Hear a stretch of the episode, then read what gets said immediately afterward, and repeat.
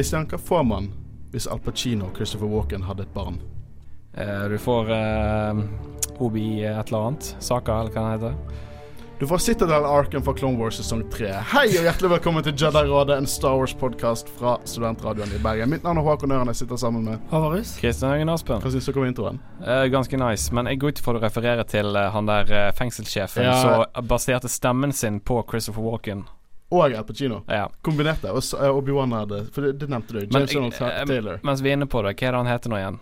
Jeg prøvde å si navnet hans. Eh, Sobek. Sobek. Sobek. Kommandant Sobek. Eh, vi skal snakke om siste ark uh, fra vår liste i sesong tre av The Clone Wars. Altså de tre episodene fra sesong 3, Episode 18 The Citadel, episode 19 Counter Attack, episode 20 Citadel Rescue.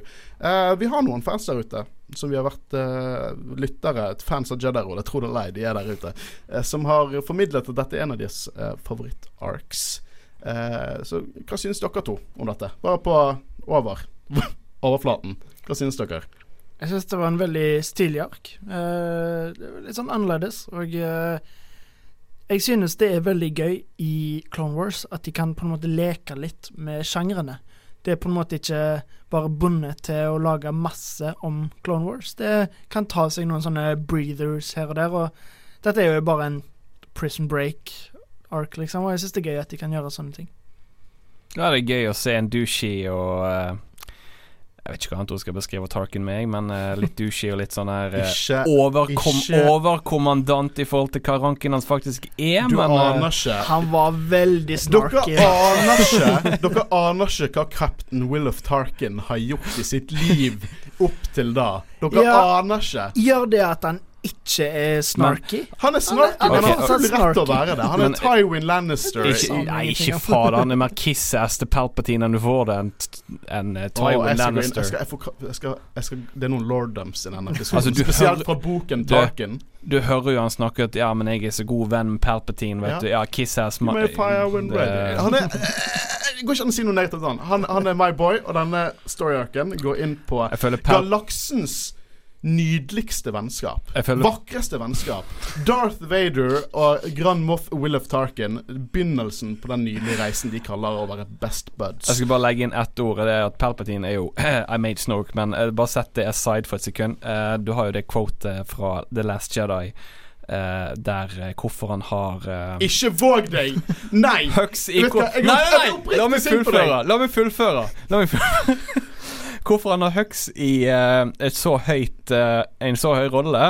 Eh, og det er jo for han er nødt å kontrollere en eh, Åh, Jeg husker ikke hva han sa You nøyaktig. shut the fuck up! Og det er jo nesten på en måte Det er ikke det det, akkurat det samme. Vet du hva, det er nesten Nei, det er samme. det det Det er nesten så det samme som jeg Nei. vil tenke at Palpatine ville sagt om Tarkin. Han ville ikke sagt om. Tarkin. Jeg, det, det, Jeg, det er jeg, min tur. har be, jeg har beviser innenfor canon, og det er det jeg kommer til å Herregud, også, du hater meg. Jeg tror dette er en ny rekord. Dere begynte å krangle i introen. Jeg må ikke våg deg å kalle Tarkin Sammenligne han med Hux. Dog on the leash, var det det var? Nei! Men Skal vi bare begynne, kanskje? Eh, ja. OK, Håvard. Uh, hvis uh, crossfire mellom uh, to giganter som slåss i form av meg og Christian, og du er redd for at du kommer til å dø, hva ville du sagt til fansen? Det siste jeg ønsker at dere har lyst Nei. Mitt siste ønske er at dere går inn og liker oss på Facebook og Instagram. Ja, og vi har masse behind the scenes der. Masse gøyale ting som vi gjør. Og eh, vi liker alltid å snakke litt med fansen, og vi poster eh, litt behind the scenes når vi er veldig flinke. Og vi har en essensiell liste over våre Clone Wars-episoder som vi synes er på en måte de essensielle episodene. Hvis dere nekter å gå inn på sosiale medier, så er det tinyurl.com slash jedirad med to a-er. Jeg jeg ser deg. Nå er det nok av maset vårt. Vi kommer til å spoile the shit ut av episode 18, The Citadel, episode 19, Counterattack, episode 20, Citadel Rescue, alle fra sesong 3.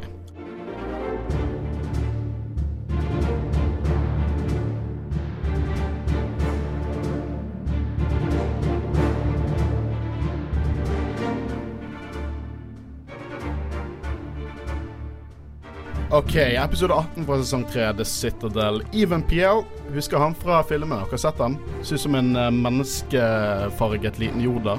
Ja, det er han Discount Yoda som bare har et øye. Ja, Han står bak Anakin i Phantom Menace når de driver og feirer på Naubo med den diskokulen.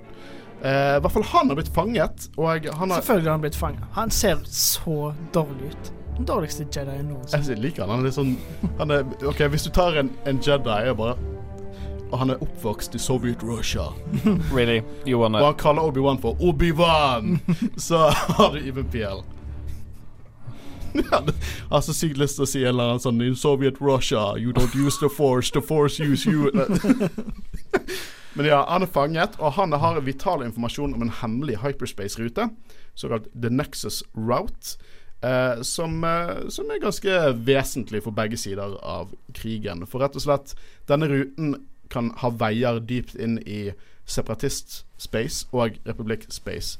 Så det vil si at eh, motsti- eh, motkjempende sider kan få en trygg vei inn i behind enemy lines, rett og slett. Og det er en annen ting som lyst- litt lyst til å snakke om, for det understreker dette her med hyperspace lanes. Det er ikke bare å hoppe fra A til B i Star Wars-universet. Det er litt det som Force Awakens handler om. Eh, det er ikke sånn at du bare kan tenke deg logisk fram hvor dette quote kort kartet til Luke fører han.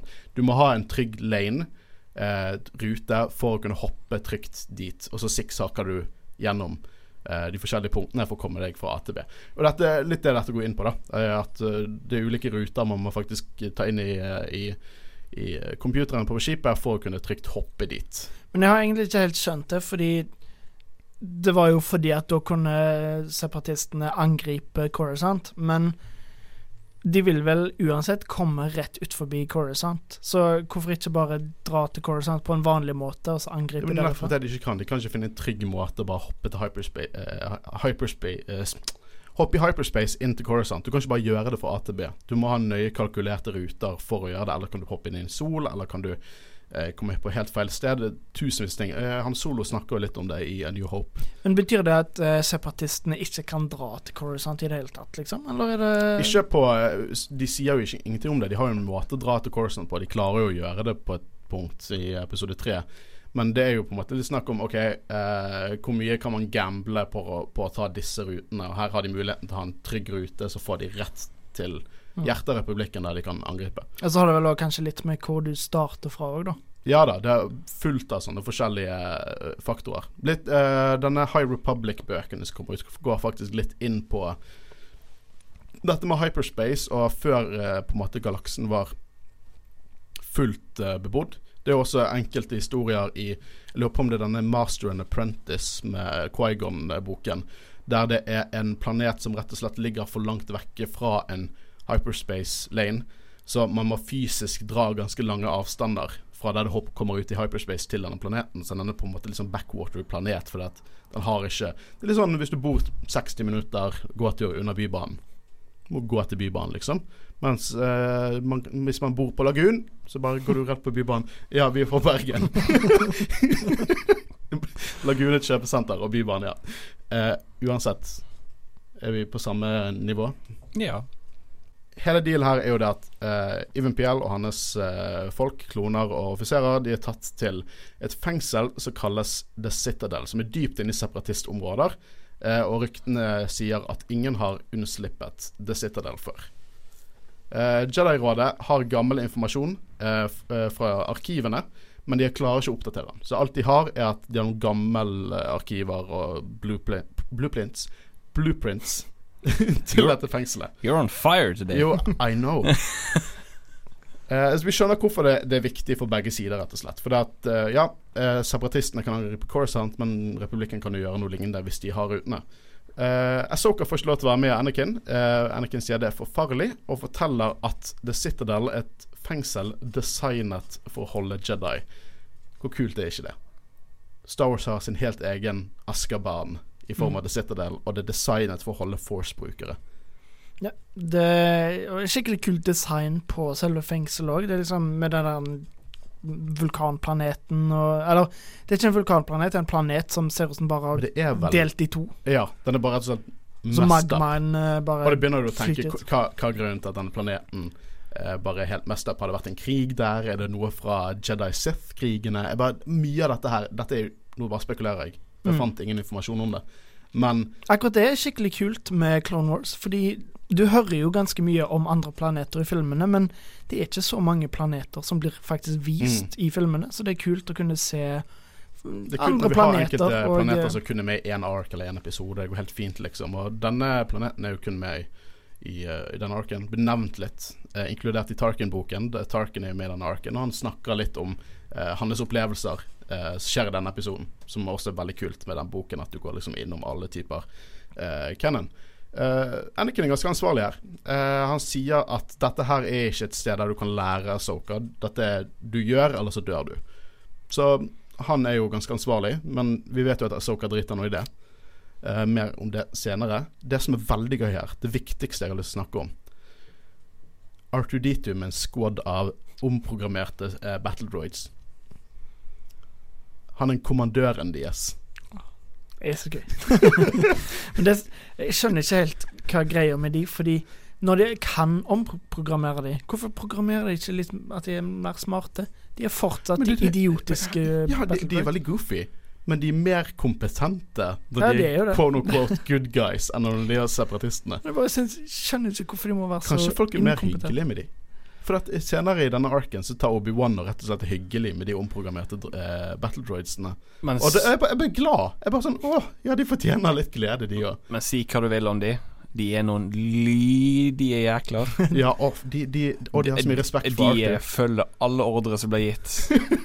ja, vi har jo diskutert litt uh, alle prosene med å ha en, Ja, ja. en uh, digital her, en mekanisk her. Ubrukelig, men gyldig. Ja.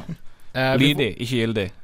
Og vi får en annen payoff i denne episoden. Og Det kan hende de har vært med tidligere episoder som ikke på listen vår, men uansett. Vi får se Echo og Fives nå i full Arc Trooper-rustning.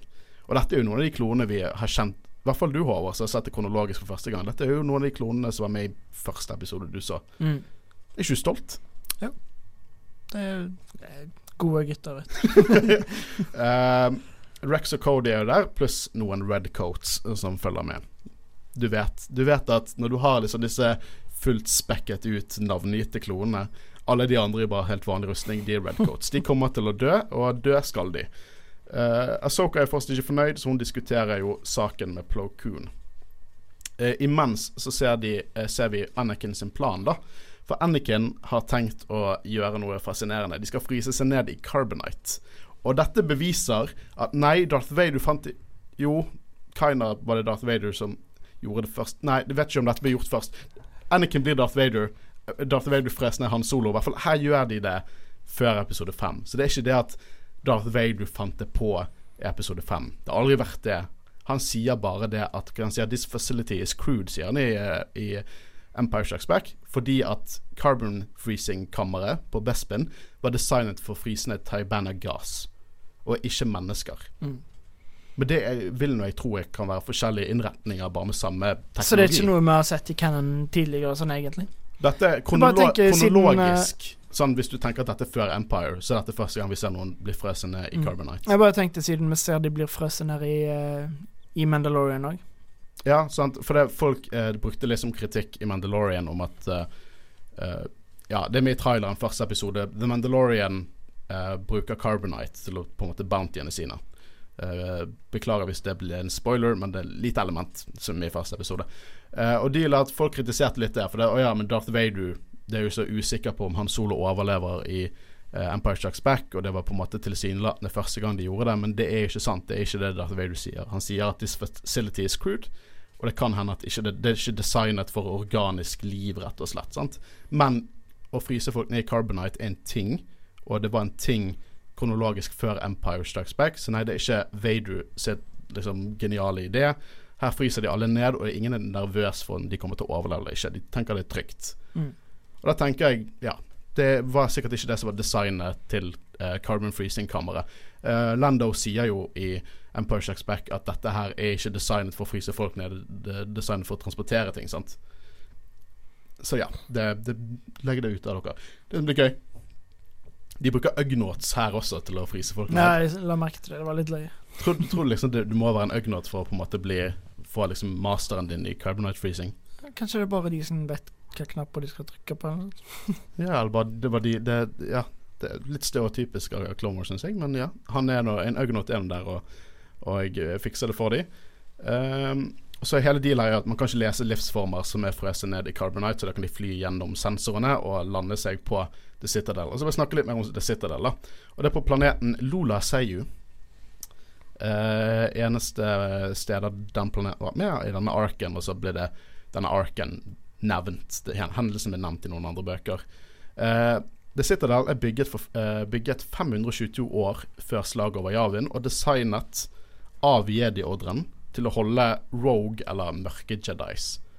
Mørk bakgrunn. Ble brukt av Jedi-ordren til å kontrollere Jedi som på en måte enten ikke fulgte ordrene deres, eller rett og slett gikk full dark. Som er ganske mørkt i seg sjøl. Eh, og som vi snakket litt tidligere, digger designet, stort tårn og typisk sånn fengselfilm, og det var lyskaster overalt, og en halv planet bare delt i to. Dritkult.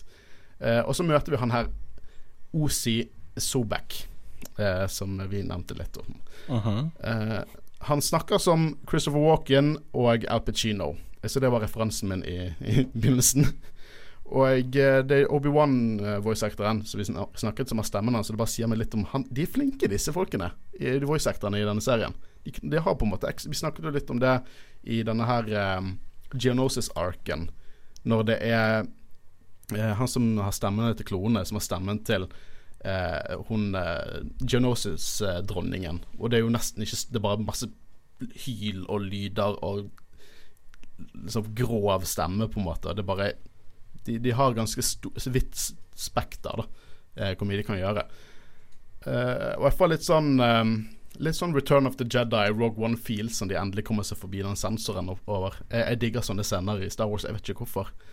Uh, den Fly Casual i Return of the Jedi, og, og når de flyr gjennom skjoldet på Scariff i Rogue One. Jeg får denne feelsen her. Det er nesten som det er blitt en sånn liten typisk sånn Star Wars-ting. At folk skal gå undercover på et sted. De gjør det i New Hope når de går inn i Death Star. Tar på seg klon, nei, Stormtrooper-rustninger liksom forskjellig. Så. Men jeg lurer på hva det vil si å ikke fly casually. Er det bare å kjøre kjempefort, eller svinge fra side til side? Liksom? Ro deg nå, Chewie. I don't know. uh, og når de går ut av Carbonite, så er ikke de syke. De er litt sånn litt støle. Ja, er det bare fordi Han Solo er i det så lenge, eller er det Ja, det var det jeg tenkte. Jeg tenkte at han, det må, han Solo er jo der i seks måneder. mm. Vet ikke hvor lenge. De, de her er jo sikkert der maks et par timer, kanskje. Så han har litt større hangover. Ja, rett og slett. Det spørs sånn, Tar du deg en øl, går det fint dagen etter. Men bare har du en full bender i tolv timer, så er det verre. Uh, og jeg liker hvordan alle bare sier eh, jeg hei, Soka. De kommer ut. Bare Hei, vent nå litt. Eh, så hun formidler at Master Plow ga henne ordre om å bli med. Eh, det er jo helt klart løgn.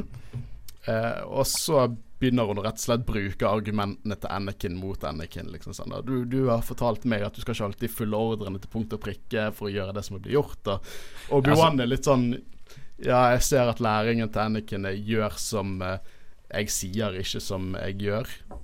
Ja, noe sånt. Og Obi-Wan er bare sånn Ja ja, velkommen i gjengen.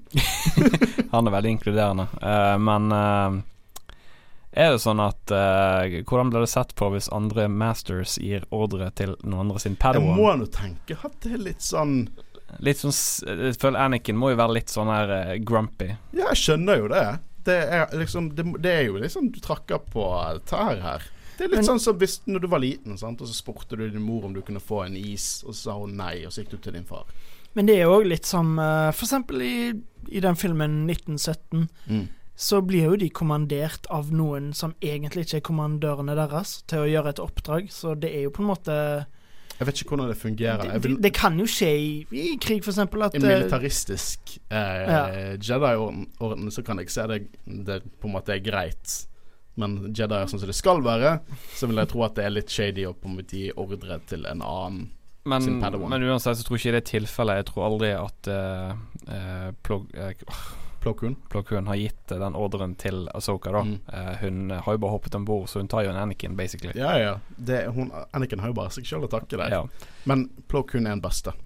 Elsker Plo Koon. Jeg tror Plo Koon er min favoritt-jedier. Liksom. Han, er- han er bare god. Du kan ikke være sint på det. Har du sett det fjeset? Han er dødskul. Han ser ut som The Fly, Jeff Goldblum-style. ja. Han er kul, da. Det er kult Ja. design, syns jeg. Mm. Så de skal opp en vegg da, med fullt av elektrominer, eh, så de må friklatre. Og det første jeg tenker på her, er at fy søren så mye de forventer av klonene sine. Liksom, jeg skjønner Jedier som på en måte kan bare spirrevippe opp der, men bare kloner. De er egentlig bare godt trente mennesker, det er det de er. Men har de ikke litt sånn eh, enhanced features, at de er ekstra sterke og sånn, eller er de bare vanlige mennesker? Jeg tror ikke de har det. Jeg tror at de, de har tatt Jango Fett, som er et imponerende individ i galaksen i seg sjøl, og så har de prøvd å De har endret livsspannet deres, at de blir fortere gammel. Men jeg vet ikke om de har gitt dem så mye andre andre De har jo på en måte tatt inhibitor-shipen og alt dette her, da. Men de har ikke gjort så mye annet, eh, tror jeg. De vet jo vi har i sesong syv eh, så får vi møte noen kloner som har mutasjoner som gjør at de er mer egnet til å gjøre spesifikke oppgaver. Så der har du spilt Om de motivasjonene var bare eh, happy coincidence eller ikke, det vet jeg ikke, men eh, jeg har inntrykk av at de, de prøvde å være så ren til Jango Fett som overhodet mulig. Men tatt de rustningene i betraktning til Stormtroopersene som klatrer opp gjennom der Klon. Må jo være Clone Troopers. Eh, det, det må jo ikke være så lett, da, med uten negler eller noe som helst, å klatre opp gjennom Kan hende det er sånn der Spiderman-vitenskap. sugekopper-opplegg. Ja, ok. Ja. Sånn. Ja, Og, eh, hvorfor tok ikke- de rustningene er superukomfortable, for det er kam eh, kamin Kaminoiansene Wow. Innbyggerne, urbefolkningen på Camino, designet uh, disse rustningene, og de er ikke veldig anatomisk designet for mennesker, for det, det er på en måte ikke en anatomi de forstår seg veldig godt på. Eh, og så uh, i forhold til uh, Jediene, de kunne bare tatt en Leia, liksom bare swoosh! Og så kunne, kunne de ikke Du skjønner at Leia var i space, sant? Det var ikke gravity. Ok, fuck that, men de kan likevel meditere seg opp. Men det var ikke, det, poenget mitt kommer nå, er at da kunne de jo bare tatt Stormtroopers og bare uh, Kom an, kom an, der kommer du. Yeah, du er på toppen. Det skal jo være litt diskré også, da. Ah. Oh, ja. Eh. Så de skal forbi disse elektrominene, og når de kommer opp, så er eneste inngangen en sjakt som er kun stor nok for Asoka. The force works in mysterious ways. He? Ah. Så første klone som dør det, Jeg har en liten ting her. Første klone som dør, han heter Charger. Han faller inn i en charge. Ah, nei. Nei, nei, nei, nei, nei, nei, bare hør meg ut. Og den episoden når Asoka skulle le, når de skulle på en måte gjennom en sånn her eh, Balmora run, så er det en klone som heter Matchstick. Han dør av at en liten del av skipene tar fyr helt til den eksploderer. Matchstick. Betyr det at alle andre som dør denne episoden, har li Passende like passende navn? Kanskje? Jeg gleder meg. Jeg lurer på om det er en spøk de har lagt inn der. Det må jo være I hvert fall Matchstick. Mm. Charger er kanskje eh, longshot, men eh, eh, Matchstick du, liksom, hvis, det, hvis du heter Matchstick, så du, du kommer til å dø i en eksplosjon. Sobek han vet noe infiltrasjon, og han sender kommandodrøys etter dem, for det er skipet som gikk forbi, det landet aldri, og så ser de på en måte at eh, noen har falt inn i en mine, så det, det er ting som skjer. Eh, og så dør Longshot. Og dette opp Ble, han, ble han tatt ned av et longshot? Nei, men det jeg kan si er jo at dette oppdraget kan jo kalles et Ah, longshot. nei, vet du hva? Ok. Og mine vitser er dårlige. Mine, mine vitser er ganske bra. Jeg likte min bedre, faktisk. Drept av en long shot. Eller han ble tatt av en shot. Ja, men din var så Ja, obvious. nei, min var så det er mye bedre når du, må, når du må jobbe litt for å skjønne. Ja, jeg skjønner. Så Even PL møter de opp. Han driver de og torturerer. Han er en Lennik-rase, bare sånn det er sagt. Jeg eh, kan rasen hans. Eh, han er litt som en ja, hårløs menneskehud etter Joda med ett øye, og sånn mm, mikset med på en måte en goblin fra Harry Potter. Og han møter, Da kommer Obi-Wan inn, og det er all Obi-Wan! Eh, dere har brukt lang tid, nå er dere her. Eh, og de redder han, og han formidler det at de slettet disse dokumentene om Nexus-ruten, og at han og kapteinen delte på å huske informasjonen, så hvis en av de ble tatt, så, kan, eh, så er på en måte informasjonen deres ubrukelig. Eller hvis en knakk under forhør, så er informasjonen deres ubrukelig, fordi det er to halvdeler. Og han formidler det at eh, kapteinen ble holdt med de andre offiserene, så er på en måte hele mysteriet hvem er kapteinen? Og så får vi se hvem kapteinen er senere, og det er veldig gøy. Eh, OC Sobek eh, går, går fullt amok med å legge ut feller, og det er masse cool action. Jeg har ikke så mye å si på action, men det, det er cool action. Jeg liker veldig godt at de på en måte har sånne eh, De har sånne magneter i taket som gir også mening hvis designet for å holde Jedi ute. Altså Hvis de får tak i lightsaberen sin, så bare flyr det opp i taket. Og det var jo veldig morsomt å se Anakin liksom bare fyke opp, så det det gir jo mening, for han har jo en metallhånd. Ja. Hvorfor er det ingen som har tenkt på det tidligere? Det er jo perfekt, og de, må Eller, jeg vet Det, ikke hvor mange som vet. Det her laget av metall, altså. Spørsmålet er hvor mange som visste om det. Ja, det er sant. Men Han gjemte jo ikke, han skjulte jo ikke noe særlig. Nei. fortsatt morsomt, da. Jeg føler Hvis du er i Star Wars-universet og det er en som kun har en hanske på én hånd, så er så regelen metallhånd som er under den hansken. Uh, så det, alle våpen og Anakin og alt flyr opp i taket, og det er elektrisitet, og det er gøy action. Uh, etter mye om og men, jeg vet ikke om dere har noe mer å si på denne sekvensen. Nei, Det er som kul action. De blir, flink, de blir flinkere med action, liksom. Det, det skal jeg si. Det, jeg føler ikke det er dårlig pacing. Her varer det så lenge de trenger å vare, og det ser kult ut. Animasjonene bare blir bedre og bedre. Nei, jeg, altså, jeg eh, gleder meg, for at jeg er veldig spent på hvem denne kapteinen er. Jeg. Ja, hvem må- kaptein? Hvem er denne kapteinen? Apropos det, Christian. Gruppen finner resten av offiserene og kapteinen til Even Piao. uh, og det er ingen andre enn kaptein Willef Tarkin. Altså Grand Moff Tarkin mens han var kaptein og jobbet for republikken. Og han høres ut som Tarkin. Han er like snarky som Tarkin. Han er like liksom aristokratisk eh, britisk eh, offiser. Elsker det. Og dette første møtet mellom Anakin og Tarkin, best buds i New Hope Imperial Best Buds i New Hope. Og Obi-Wan og Tarkin er mm, veldig uenige i hvordan de skal håndtere situasjonen. da. Eh, så Tarkin mener de skal holde seg sammen, mens Obi-Wan mener at de skal dele seg opp. Fikk meg med en gang til å tenke på det quotet fra A New Hope, der Tarkin sier det at uh, The only thing left of that religi religion is you, my friend. Ja. Dypt. Så de var venner. sant? De var venner dypt. De er venner. Men det merker du jo på slutten av episoden eh, når eh, Tarkin sier noe, men det kommer vi tilbake til. Jeg gleder meg. Jeg tar en Håkon, jeg sier. Det tar vi Jeg seinere. er litt nervøs, for når du skal ta meg, så er du preppet. Og så sitter du der med de jævla notatene dine. Jeg skjønner ikke hvorfor du skal ta meg heller. Jeg bare liker Tarkin. Tarkin har ingenting med, med Jeg har ingenting imot. Tarkin. Peter Cushing var awesome. Ja. Altså, jeg digger karakteren. Ja, ja. Uh, I hvert fall Tarkin mener at de skal holde seg samlet for at de er sterkere som en gruppe, mens Obi-Wan mener å, uh, at de skal dele seg. Så de, de hører på Obi-Wan, da. Men man burde i hvert fall ta Tarkins mening into uh, consideration, for å si det sånn, på godt engelsk. For han har på dette tidspunktet allerede vist seg til å være en briljant strategist.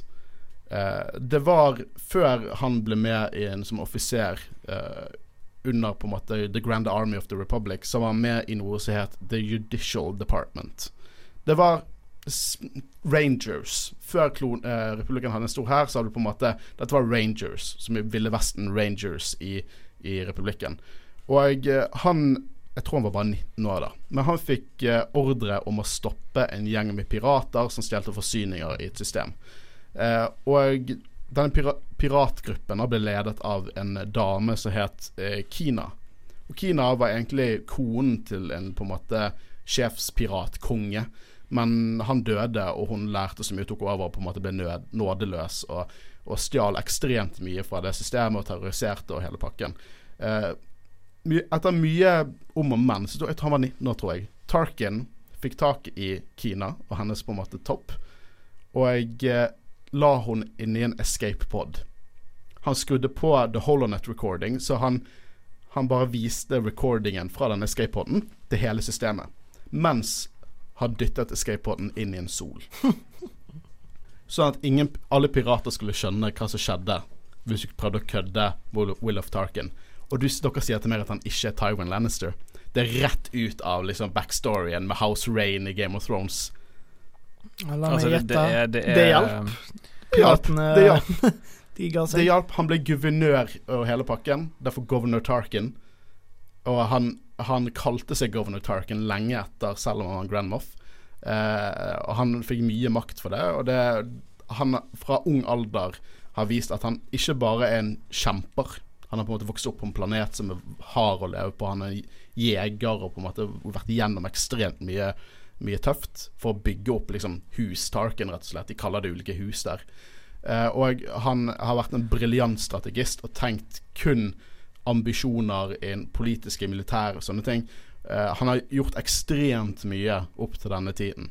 Han har blitt groomet av Palpatine i sin ung alder. Når han var Major Gissel Department, så kom uh, Palpatine og sa til han eh, at det er store håp for han politisk i republikken, og at han hadde et øye med han, og at han kunne skaffe han midler for å komme inn der. Og vet du hvorfor han Palpatine seg sjøl tok kontakt med han? Ikke omvendt, det var ikke Tarkins kontakt.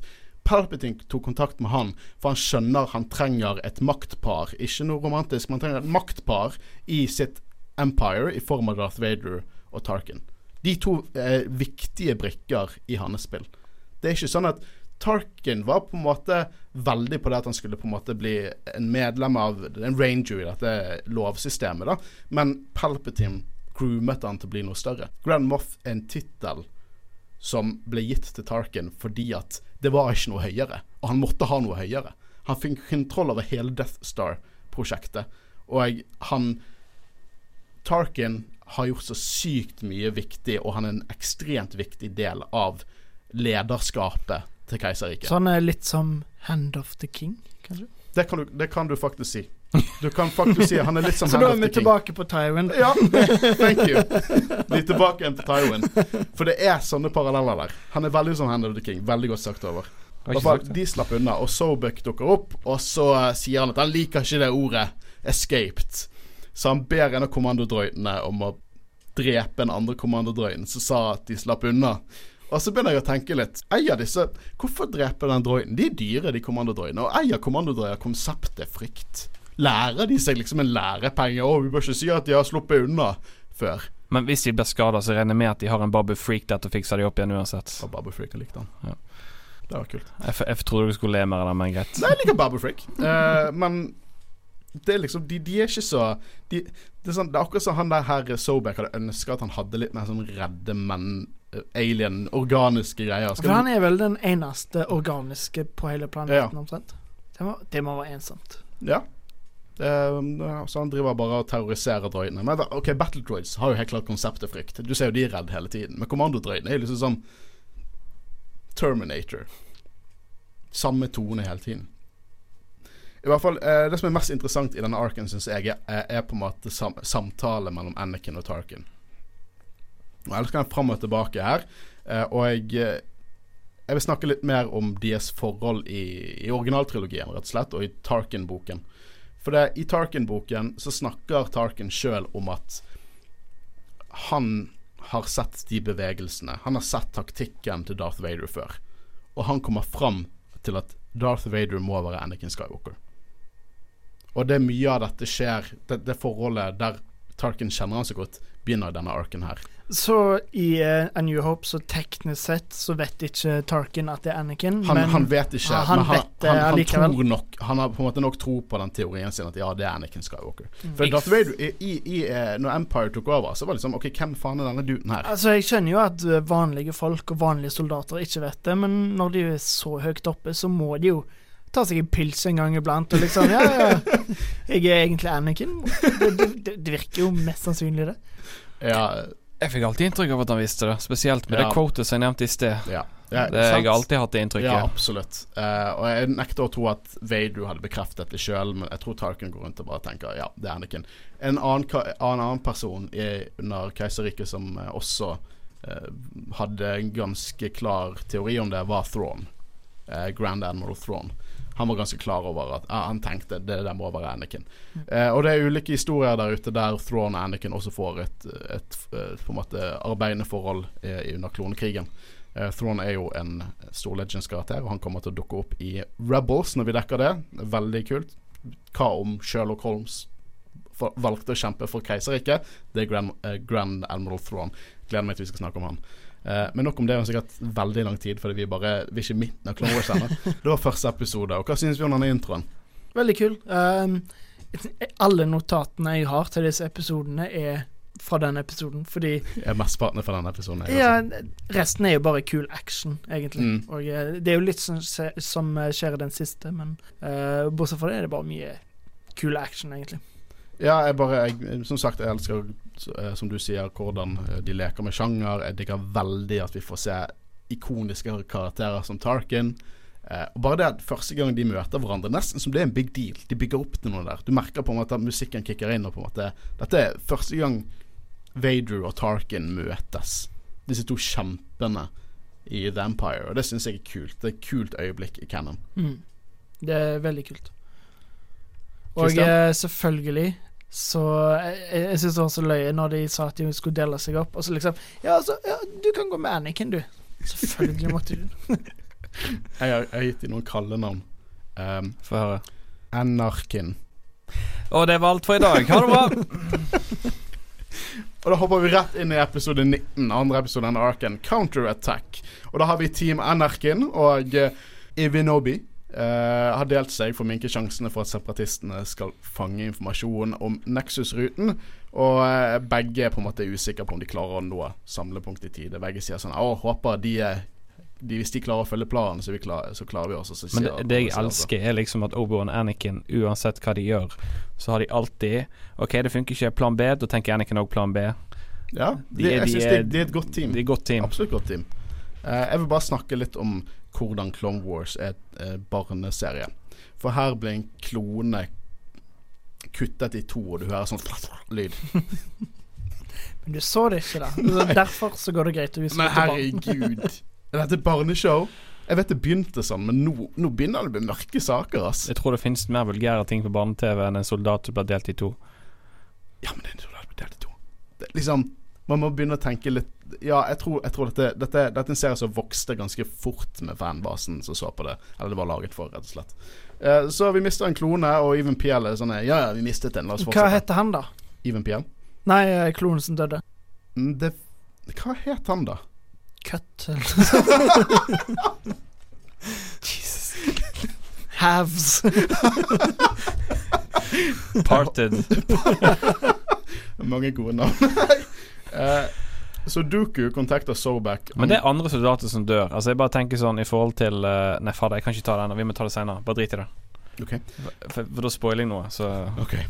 Selv om vi skal spoile det senere. Men bare fortsett, du. Ja. Jeg skal holde kjeft. Doku kontakter Doku? Doku? Sudoku? Det er du som skal redigere den. Oh, wow! Sudoku. wow, wow, wow. Ok, greit. Den skal du få kreds for. Fytti katta. Sudoku. Ja, I like it. Likte du kanskje Sudoku? Ja, det var fin. Nydelig. Men nå må vi beholde den. I hvert fall Count Dooku kontakter Sobek angående infiltrasjon, og Dooku truer han med at han må håndtere dette sjøl hvis ikke han klarer det. Og dette er vital informasjon som kan bestemme hvordan krigen går. Og, og Sobek er sinna på drøyden som overrasket han med telefon fra Dooku. Eh, og jeg syns at Sobek burde lære litt av General Grievous. Drit litt i de telefonsamtalene med Doku. Lær deg å, å, å bare legge på.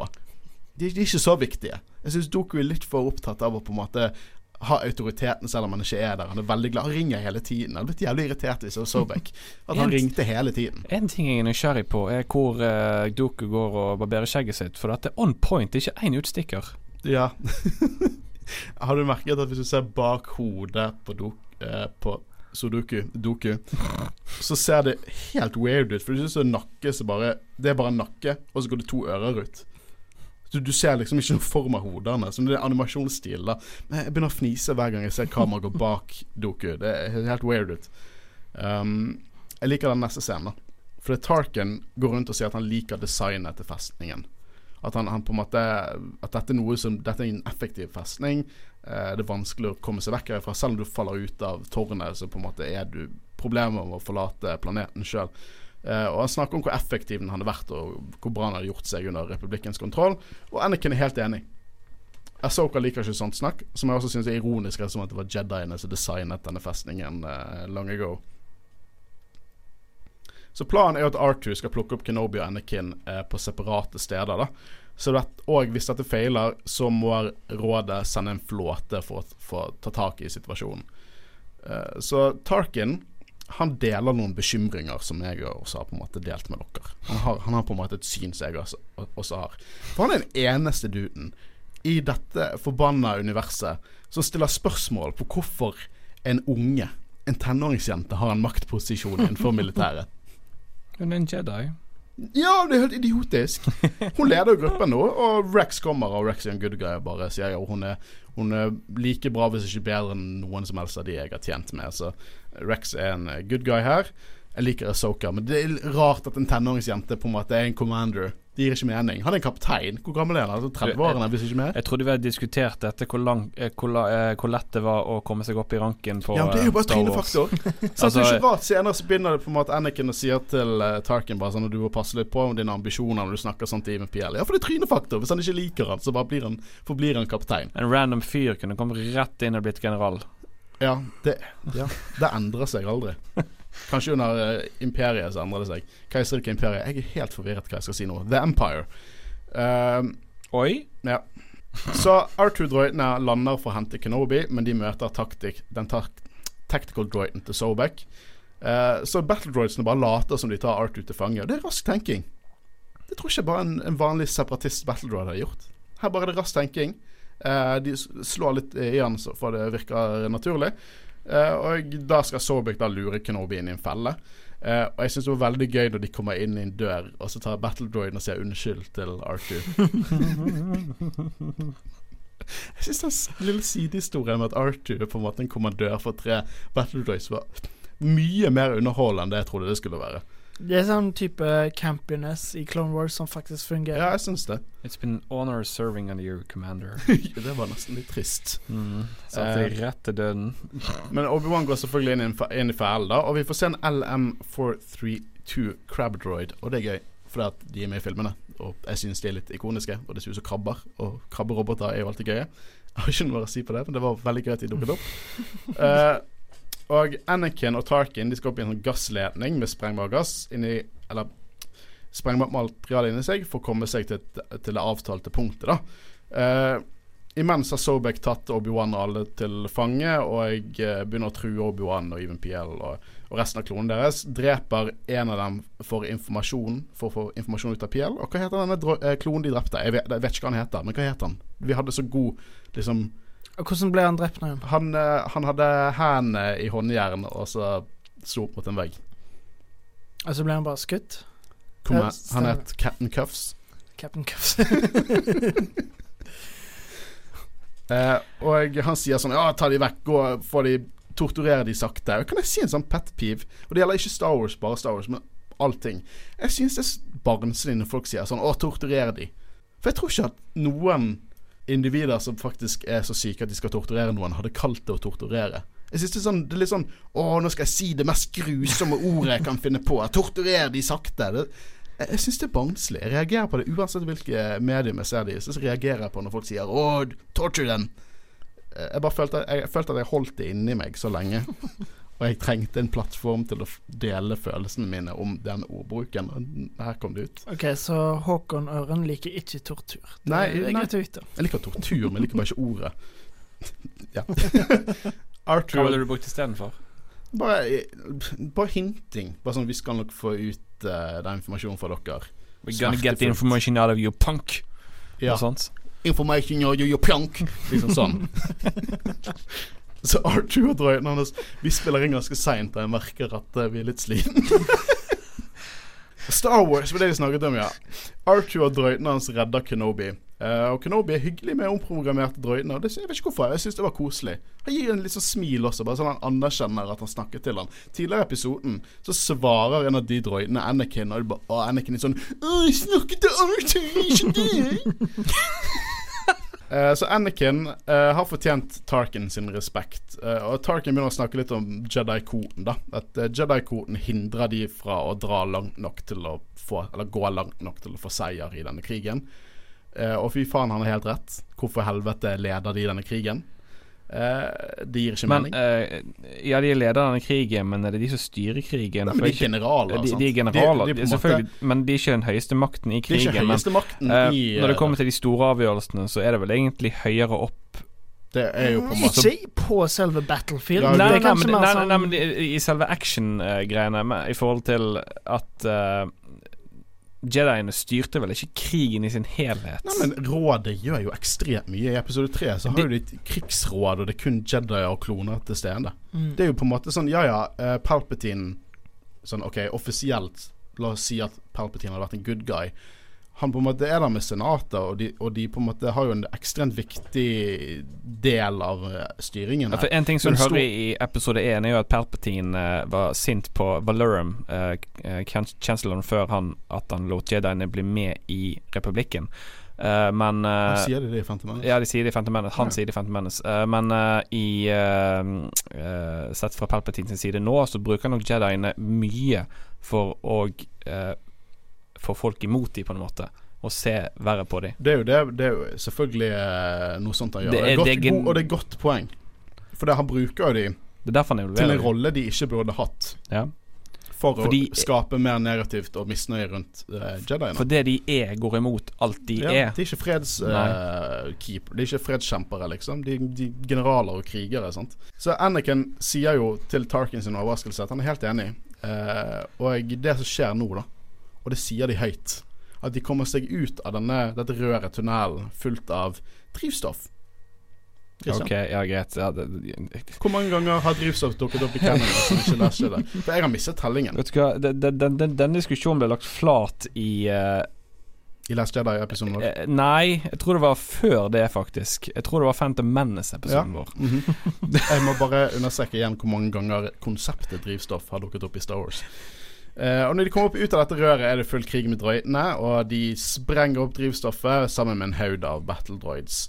Eh, så det har jo vist seg at begge sider må endre plan, og begge går over til plan B. Så det er litt sånn Du nevnte jo i sted litt eh, paralleller med Å, plan B. Ah, nei, da går vi til plan B.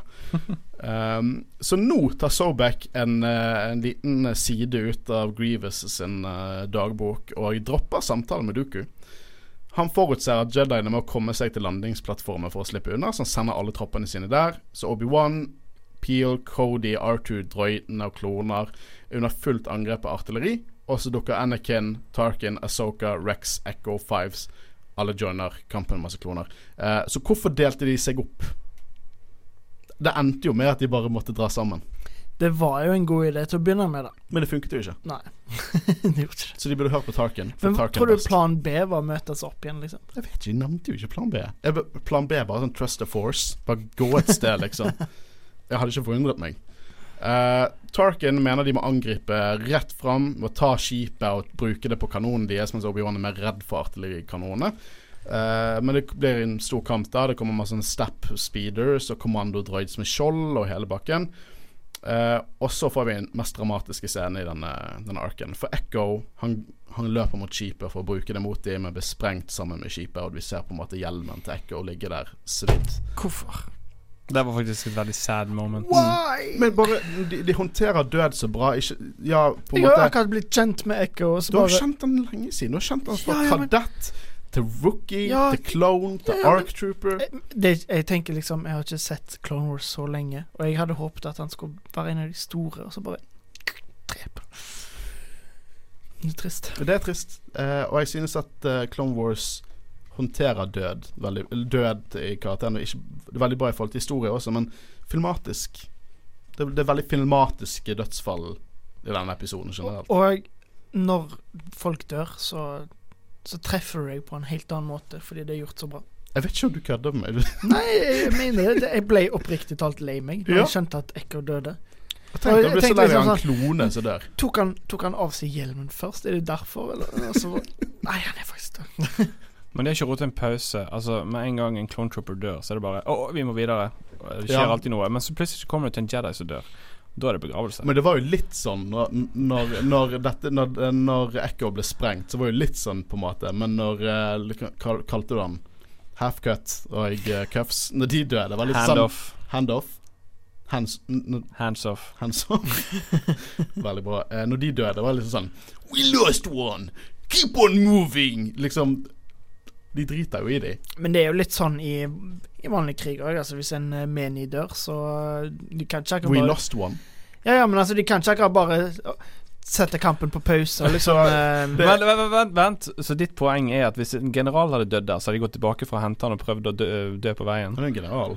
Nei, men det har jo litt òg med at når den begravelsen skjer senere, så var de ferdig med kampene. Det er jo ikke så mye som skjer Ja, de da. kunne Liksom. jo ta Ja, der hadde jo de tid til å ta seg en pause. Her hadde de ikke det. De må komme seg vekk. Ja, men Og det- de har det- ikke skip. eh, Greit. De har ikke skip, det er ingen, ingen måte å komme seg vekk. Så Anakin og Obi-Wan kontakter Jedi-ordren, som sender flåten for å redde de.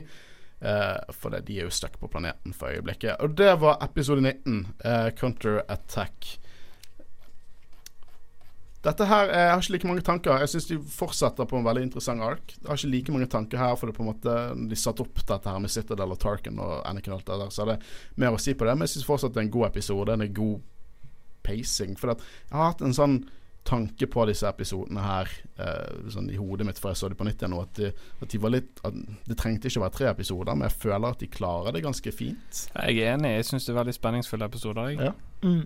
Uh, ja, jeg syns egentlig at uh, denne Fordi jeg har jo sagt flere ganger at det er noen, noen arcs som jeg føler kunne vært to episoder, men denne arken her fungerer godt med tre. Det, de Ja. kunne vært to, men det fungerer òg veldig godt Ja, det, det, liksom, det er ikke sånn at jeg sitter og kjeder meg fordi at det, det er bare action eller det er masse Jar Jar. Det er liksom, jeg, jeg synes det er veldig, tre veldig flotte episoder satt sammen. Men vi har fått en til igjen, episode 20 fra sesong 3, Citadel Rescue.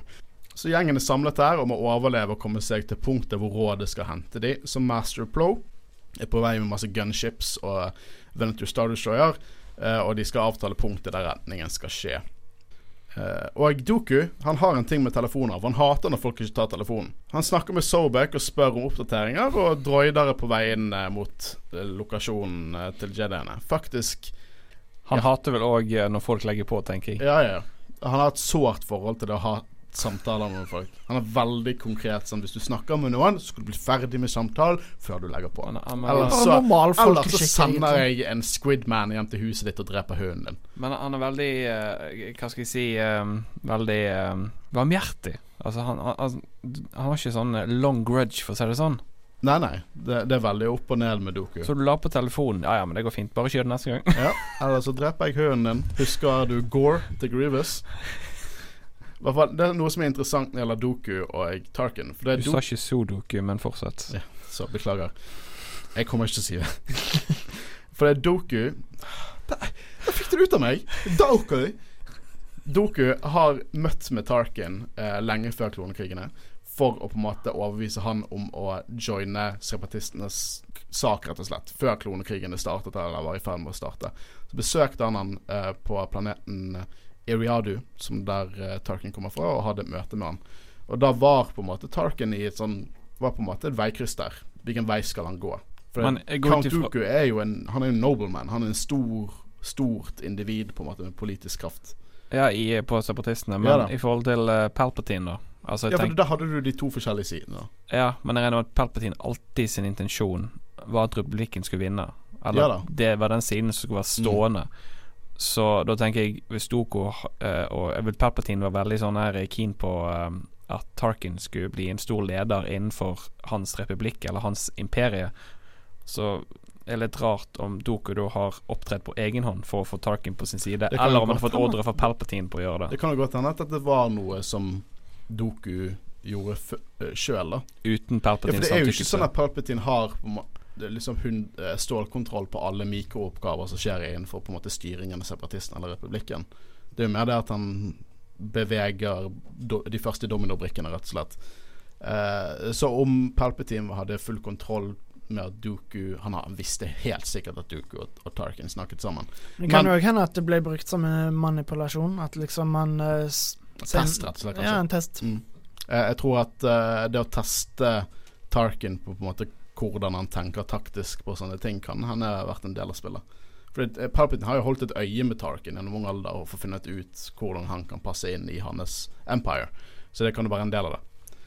Um, gruppen er nå under angrep, og droidene til R2 ofrer seg for sin kommandør. Det er ganske trist. Mm, det var det. De hadde De, de hadde gjort jobben Ja, godt. de, de, det, var, det var en ære å tjene under kommandør R2D2. Dette det er så sykt teit, egentlig, men jeg elsker det. uh, Plo Koon, han er bare den beste, vet dere det? Fordi at liksom alle De andre Jediene sa vi vet ikke helt om vi klarer å gjøre dette for deg. Og bare sånn Ja, men jeg tror dere gjør det beste dere kan. Jeg kan ikke be om noe annet enn det. Plo Koon er bare den beste. Motiverer de og går liksom Han er på en måte den beste Jedien bare menneske i hele denne galaksen. Eh, og hvis uh, de forteller det at hvis Anakin og Co. ikke er på riktig sted, så kommer uh, Når på en måte redningen ankommer, så må de mest sannsynlig forlate de der fordi at det kommer til å bli for mye tap eh, av liv og ressurser, rett og slett. Og så får vi se et nytt dyr. Vi har ikke sett de i, Clone Wars, i vår episode Clone Wars ennå. Og det er disse Anubas, som er helt klart Anubis. Og det er hunder med store øyne og et stort tann. En stor tann. Horntann på underkjeven. Er Doggos. Det Star Wars Dogos, rett og slett. Det er det de er. Uh, Det er det, Håkon. og uh, imens ser vi på gjengen gå da, og Asoka er ikke så veldig happy med Tarkin. Hun ikke, liker ikke Tarkin i det hele tatt. Uh, og Asoka og Obi-Wan mener Tarkin og Anakin sitt syn på Jennys plass i krigen er simpelt syn på det. Som jeg syns er litt arrogant syn på det igjen. Det er liksom sånn å mener dere noe som ikke setter oss i positivt lys? For et simpelt, for en simpel person du er. Eh, og imens setter Sobek opp en blokade i rommet over planeten da, til retningen skal ankomme. Så Tarkin og Anakin snakker videre sammen, og eh, det her kom opp dette her med du burde ikke snakke til Even PL på denne måten, for det at tenk på dine politiske ambisjoner, eller på en måte en karriereambisjoner. Og så sier Tarkin at eh, nei, men han er i favør hos Palpatine. Og har, jeg har snakket, nevnt dette før, da at uh, han er jo favør hos han rett og slett fordi han er et viktig individ for planene til Palpatine. Og eh, Og Anakin sier litt sånn Ja, jeg kjenner Palpatine godt, jeg. Og så er jeg bare litt sånn Ha, OK. Eh, og forskjellen forskjell her er det at ja, begge disse to Kanskje de to viktigste individene i planen som er The Empire til Palpatine, Tarkin og Vader. Men i motsetning til Vader så tror ikke jeg Tarkin lar seg manipulere. Tarkin er full kontroll på alt. Når Empire tar over, Tarkin er bare sånn Ja ja, dette var en proxy-krig. Dette var ikke en ekte krig, liksom. Dette, dette var en falsk krig. Han bare mm, Sherlock Holmes er ute og bare sånn Ja ja, dette og dette, dette, dette skjedde. Ja, der er Anakin. Jeg var sånn, Empire, ja ja, går fint. Liksom makt. Oh, Grand Moff, det er en ny tittel. Liksom, jeg tror Tarkin har full kontroll på hva han blir med på, og hva som skjer. Han har til og med tenker sånn derre Ja ja. Palpatine er mest sannsynligvis en Sith Lord. Ja, ja, jeg bryr meg ikke om religion. Det liksom, det, han sier i Tarkin-boken at ja, han er mest sannsynligvis en Sith Lord, som er litt shady, men ja ja, ut av hodet. Uh, så ja, Anakin lar seg bli blir på en måte manipulert, men det tror jeg ikke Tarkin gjør. Så mye av det du sier Det er nesten så du planla å ha denne diskusjonen med meg, for jeg har på en måte Dette hadde jeg sagt utenom du hater Tarkin. Så hadde jeg fortsatt sagt dette her. Ja, ja, ja. Uh, som sagt, jeg liker Tarkin. Jeg tror ikke på deg. Eh, Jo, OK, greit. Jeg liker Tarkin. Jeg er enig med det du sier. Jeg bare prøver å pisse deg off, altså. ja, du har ikke klart det. OK? Jo, jeg klarte det i starten. Eh, gruppen hører nå disse dyrene, eh, og de drar ut, drar ut og planlegger å slå tilbake igjen. Eh, så Jediene dreper alle doggoene til Sobek, eh, mens eh, droidene angriper. I denne angrepsscenen så liker jeg at uh, en av kommandodrøytene på en måte flyger og krasjer, og så lander liksom hodet til føttene med R2, og så bare henretter R2-drøyten. Litt sånn Dirty Harry-style, nesten. Mm, For han bare han lander vil. på fø med føttene, så bare løfter han hodet sitt, og da bare ser du liksom eh, R2 bare stirrer på han, og så bare electrocuter han. og Even PL blir ganske dramatisk og brutalt uh, skadet av en av disse høene, da, eller anobasene.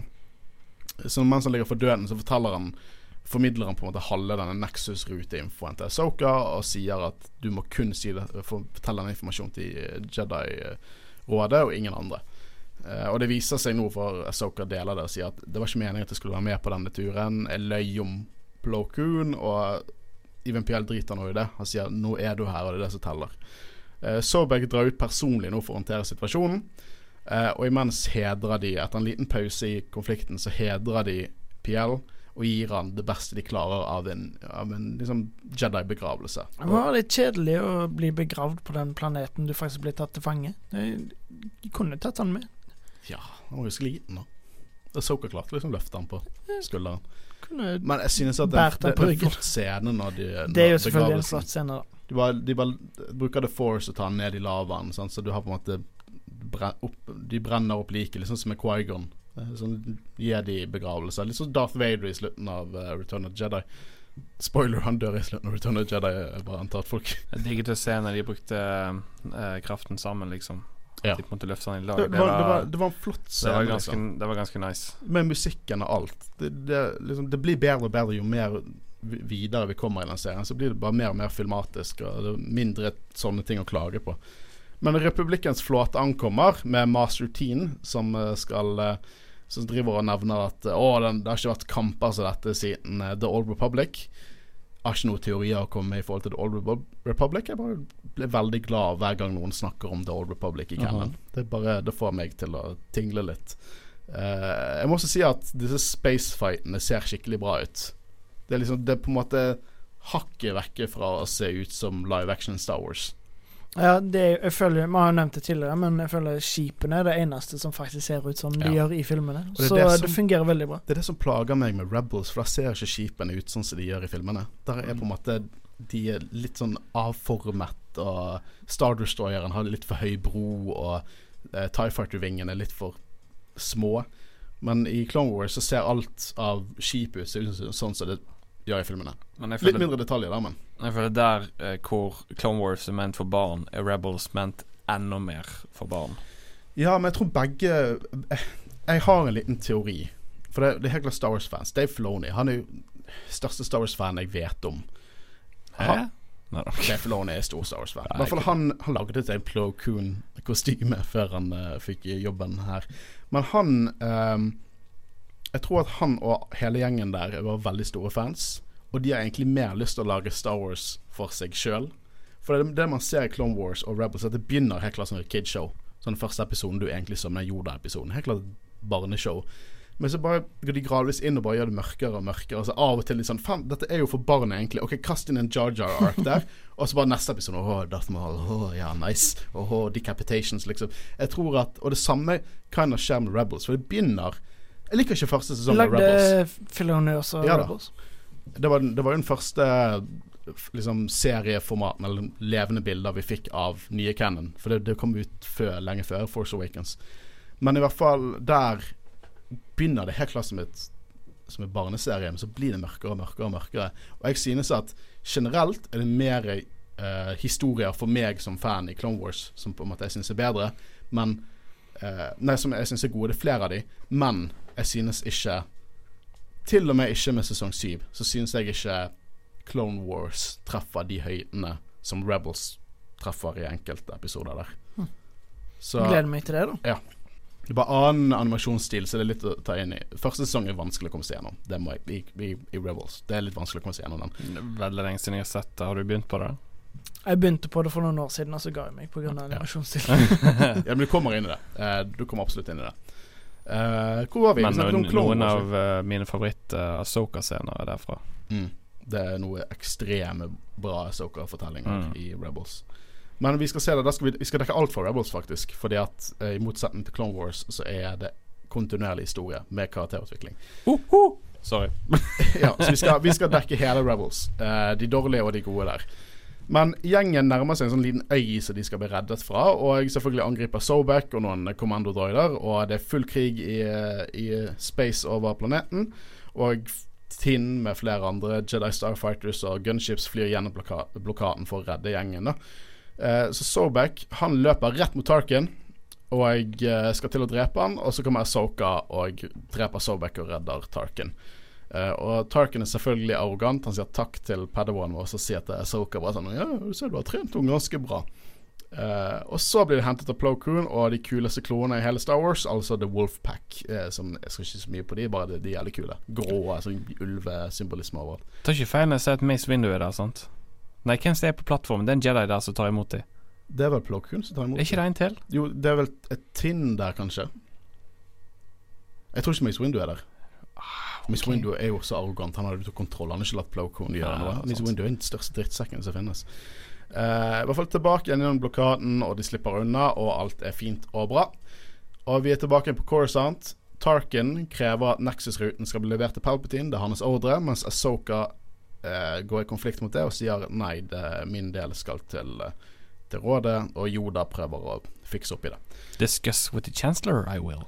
Men det gøyeste her Det gøyeste dette her Er at Plo Koon er bare så superdope Fra en dekker på Ahsoka Og bare ja, et, ja, det var jeg som ga ordrene liksom, Åh, han er så god Han er så god da Han er så vært Mesteren til Ahsoka Var ikke, det, var ikke det bare sånn at eh, Var det Obi-Wan eller Anakin som spurte han? Det var Anakin Anakin som spurte han, Ga bare- du ordre til Ahsoka Bare, ja, det ser sånn ut Ja, det var ikke det. Men han sier jo Han lyver jo ikke. Han bare sier 'It appears I did'. Det er det det ser ut som. sant? Ja. Så han løy ikke. From a certain point of view. Han er perfekt. Jeg elsker From a certain point of view. Eh, så Tarkin drar i hånden til Anakin og sier Og det er helt klart for respekt for hverandre. Vi hører Imperial March i bakgrunnen, og det er starten på et vakkert, vakkert vennskap. Eh, jeg elsker det. Eh, Obi-Wan sier også dette eh, litt teit. Han sier at vi glemmer koden. Eh, for å eh, gå mot seier, så mister vi det som er viktigst. Og hva er viktigst? Æren vår, tydeligvis. Ikke noe annet. Æren er viktig. Så eh, det er litt Mando-vibes i Obi-Wan der. Men ja, fantastiske episoder denne gangen også. Veldig bra gjennomført. Ikke like mystisk som forrige uke, men uh, Nei, men jeg føler på en måte at alt trenger jo ikke være super law-heavy. Det er kjekt med sånne enkle episoder, Mm. som vi så i begynnelsen. Sånne breather-episoder som på en måte bare leker med sjangeren og Og dette er liksom episoder som jeg tror uh, bare liksom hardcore fans av originaltrilogien kommer til også veldig å sette pris på. Mm. Så Tarkin han er jo en veldig ikonisk karakter. Hvor liksom det arbeidende forholdet mellom Tarkin og Anakin startet. Forfriskende å se. Det, det syns jeg òg var veldig kult, fordi jeg har jo ikke lest bøkene heller. Og så jeg har jo ikke sett dette før, så det eneste jeg har sett av Tarkin, er jo i A New Hope. Og jeg har jo alltid syntes han var en dritkul karakter, men jeg har på en måte ikke visst så mye om han, og har alltid hatt lyst til å se mer, så det er veldig gøy å få mer inntrykk av Tarkin òg. Eh, jeg må bare finne ut hvordan vi skal gjøre det når vi kommer til det. Men en dag så skal vi dekke Tarkin-boken. Eh, hvis det er en bok jeg vil anbefale til noen som ikke har lest Star Wars-bøker før, så er det Tarkin. Det er en fantastisk bok. Det er ikke bare kult fordi Star Wars er mye ny law og sånne ting. Det er kult fordi det er en god bok. Eh, så ja, den det, er ikke så, det er ikke en lang, veldig lang bok heller. Jeg tror det er 350-400 sider eller noe sånt. Veldig kul bok. Og, og jeg, eh, den boken der har gjort at jeg får ekstremt mye ut av disse episodene. Og ekstremt mye ut av Rogue One. Mye, mye bakgrunnskunnskap eh, man har i hodet når man ser Rogue One og på en måte Tarkin og, og Krennic eh, der. Så det er en jævlig kul bok. Christian, hva syns du? Jeg syns den arken er dritkul. Jeg liker spenningen. eh, Jeg liker fartsfullheten, hvis det er et ord. Fartsfullheten. Pacingen, liksom. Pacingen, takk! Pacingen er jo ikke Vi bruker for mange engelske ord. Ja, men, jeg, Ja, jeg- men jeg- eh, det skjer i alle dette er som en, podcaster dette er og innspillinger. Vi har sagt, sagt det før, at noen av arkene er på en måte som en god film. Men dette er som en Absolutt er det, og jeg digger R2-siden av det. Jeg digger Obi-Wan og uh, Anakin sin uh, i, Altså connection gjennom hele greiene, Mm. med at de har en plan B alltid bak i hodet. Eh, jeg uh, jeg digger denne arken, selv om det ikke er så mye law. Mye action Det og er mye fortsatt gøy. litt law. Mye- Det er på en måte ikke så mye Ja, men det er ikke, mest det. Men eh, i likhet med at det òg er litt action og litt spenning. det, det var tre gode actionepisoder. rett og Ja. Mm. uh, det syns jeg. Men vi har ikke så mye å si, si om det. Vi er ferdig med sesong tre. Vi har kommet ganske langt, da. Tre sesonger dekket. Det var jo fortere enn jeg eh, hadde sett for meg. Ja, det er enkelt vi har delt det opp litt, da. uh, vi hadde ikke vært i nærheten av ferdig med sesong tre. Vi skulle dekket hver eneste episode. Uh, men jeg tenker det, det er best å gjøre det sånn som vi gjør det. Det hadde ikke vært gøy å høre på oss hate på Jar Jar-episoder og, og sånne ting. Uh, men igjen, vi er på Instagram og Facebook. Gjerne følg oss der hvis dere vil ha litt mer av oss som ikke kun er på luften. Og jeg Ja, vi, vi, vi har vært Jedi-rådet. Mitt navn er Håkon Øren. Jeg har sittet sammen med ut. Og Kristian Hengen Aspen. Og vi snakkes neste uke. Ha det bra. Ha det Ha det bra.